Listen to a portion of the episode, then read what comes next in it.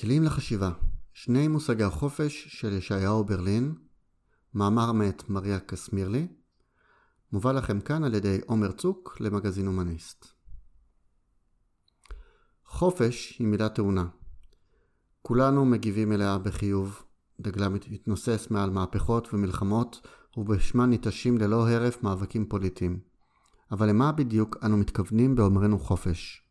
העובדה שפוליטיקאים מכל המפלגות מציגים את עצמם כמאמינים בחופש מרמזת על כך שאנשים לא תמיד חושבים על אותו הדבר כשהם מדברים עליו.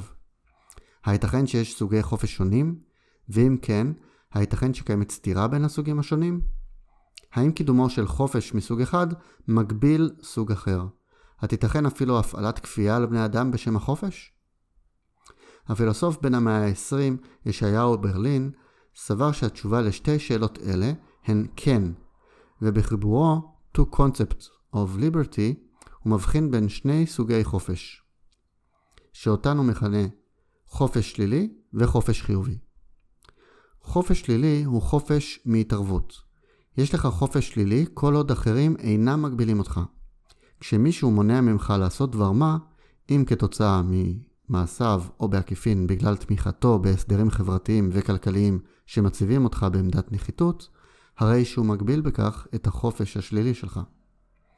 ברלין מדגיש שאך ורק סייגים שנאכפים בידי אחרים נחשבים למגבלות על חירותו של האדם, ולא הגבלות שנובעות מסיבות טבעיות. העובדה שאין ביכולתי להקל על מצוקה גופנית כלשהי אינה מגבילה את החופש שלי. מקובל כמעט על כולם שעלינו להסכין עם מגבלות כלשהן על החופש השלילי שלנו, אם בדעתנו להימנע מתוהו ובוהו. כל מדינה תובעת מאזרחיה לציית לחוקים ותקנות שנועדו לסייע להם לחיות חיים משותפים ולאפשר את תפקודה החלק של החברה. מקובל עלינו שסייגים אלה לחירותנו מקנים בתמורה יתרונות אחרים, כמו שלום, ביטחון ושגשוג. בה בעת, מרביתנו עומדים על כך שיש בחיים תחומים מסוימים שאין להכיל עליהם תקנות, ושבהם צריך להיות לאנשים חופש ניכר, גם אם לא מוחלט. דיון חשוב בפילוסופיה של מדעי המדינה עוסק בגבולות התחום הזה, של החופש האישי השלילי. למשל, האם על המדינה להגביל את מה שאנו אומרים או קוראים, או את הפעילויות המיניות שלנו? בעוד שהחופש השלילי הוא חופש משליטתם של אחרים, חופש חיובי הוא החופש לשלוט בענייניך. להיות חופשי במובן החיובי, הרי הוא להיות אדון לעצמך. לפעול באופן רציונלי ולנקוט אחריות על פי האינטרס האישי שלך. לכאורה, זהו ההפך מחופש שלילי. אני מושל בעצמי כל עוד אין איש מושל בי. עם זאת, עלול להתגלה הפער בין החופש החיובי לבין החופש השלילי, הואיל ואדם עלול להיעדר שליטה עצמית אפילו כשאין הוא מוגבל בידי אחרים. חישבו למשל על מכור לסמים שאיננו יכול להיגמל מהרגל שהורג אותו. הוא איננו חופשי לחיוב. כלומר, פועל בצורה רציונלית לטובתו האישית. גם כשאין מגבלות על החופש השלילי שלו. כאמור, איש אינו מאלץ אותו לקחת סמים. במקרים כאלה, מציין ברלין, טבעי לדבר על משהו כמו עצמי כפול. עצמי נחות, אי רציונלי ואימפולסיבי, ועצמי עליון, רציונלי ומרחיק ראות. במקרה זה, ההנחה היא שאדם הינו חופשי לחיוב רק אם העצמי העליון הוא הדומיננטי. אם זה נכון, אולי נוכל לתת יותר חירות לאדם באמצעות כפייה. אם נמנע מן המכור לקחת את הסם, אנו עשויים לעזור לעצמי העליון שלו להשתלט. הגבלת החופש השלילי שלו תעזור להגדיל את החופש החיובי שלו. קל לראות איך ניתן לנצל לרעה השקפה זו כהצדקה להתערבות שגויה או מזיקה. ברלין טען שהפער בין החופש החיובי לשלילי וסכנת הניצול לרעה גוברים עוד יותר אם העצמי העליון, או האמיתי, מזוהה עם קבוצה חברתית, שבט, גזע, כנסייה, מדינה. אז אנו עלולים להסיק שחירותם של בני אדם קיימת רק כשהקבוצה מדכאת רצונות אישיים. כאמור שמקורם בעצמי נחות ולא חברתי, וכופה עליהם את רצונה. מה שהדאיג במיוחד את ברלין בצעד זה היה שהוא מצדיק כפיית בני אדם לא רק כאמצעי להבטיח יתרונות חברתיים כמו ביטחון ושיתוף פעולה, אלא כדרך לשחרר את האנשים עצמם.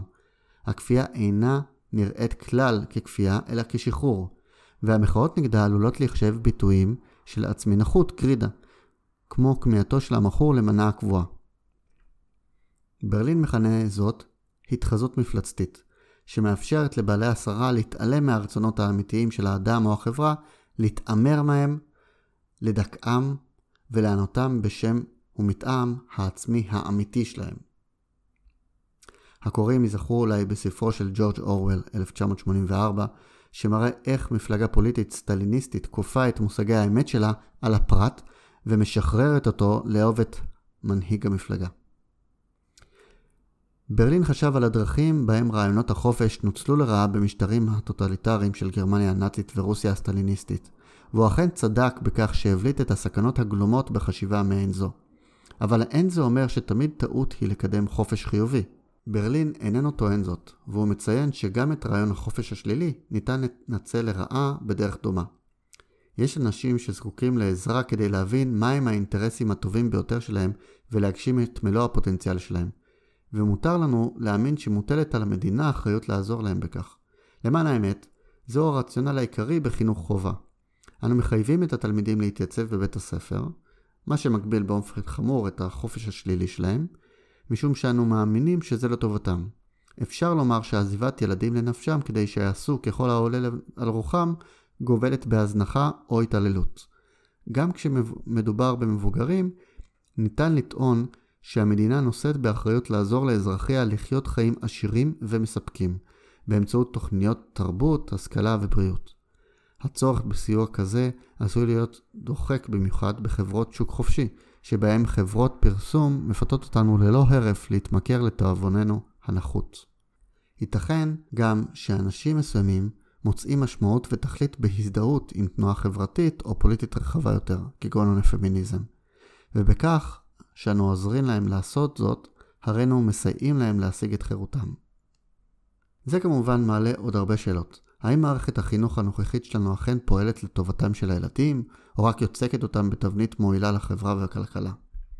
מי מחליט מה נחשב לחיים עשירים ומספקים? מהם האמצעים החוקיים שבהם יכולה המדינה להשתמש כדי לעזור לאנשים לחיות היטב? האם יש נסיבות שמצדיקות כפייה? שאלות אלה עוסקות בסוג החברה שבה אנו רוצים לחיות, והתשובות אינן קלות. אבל בכך שהבחין למעננו בין החופש השלילי לחיובי, העניק לנו ברלין כלי רב עוצמה לדיון בהם. מאמר זה נכתב על ידי מריה קסמירלי, פילוסופית ומורה, משמשת כעמיתת מחקר באוניברסיטת שפילד ומורה בבית הספר האירופי לחינוך בהרקליון שבכרתים. עריכה באנגלית נייג'ל וורברטון, תרגם לעברית שלמה אדם, מובא לכם כאן על ידי עומר צוק למגזין הומניסט.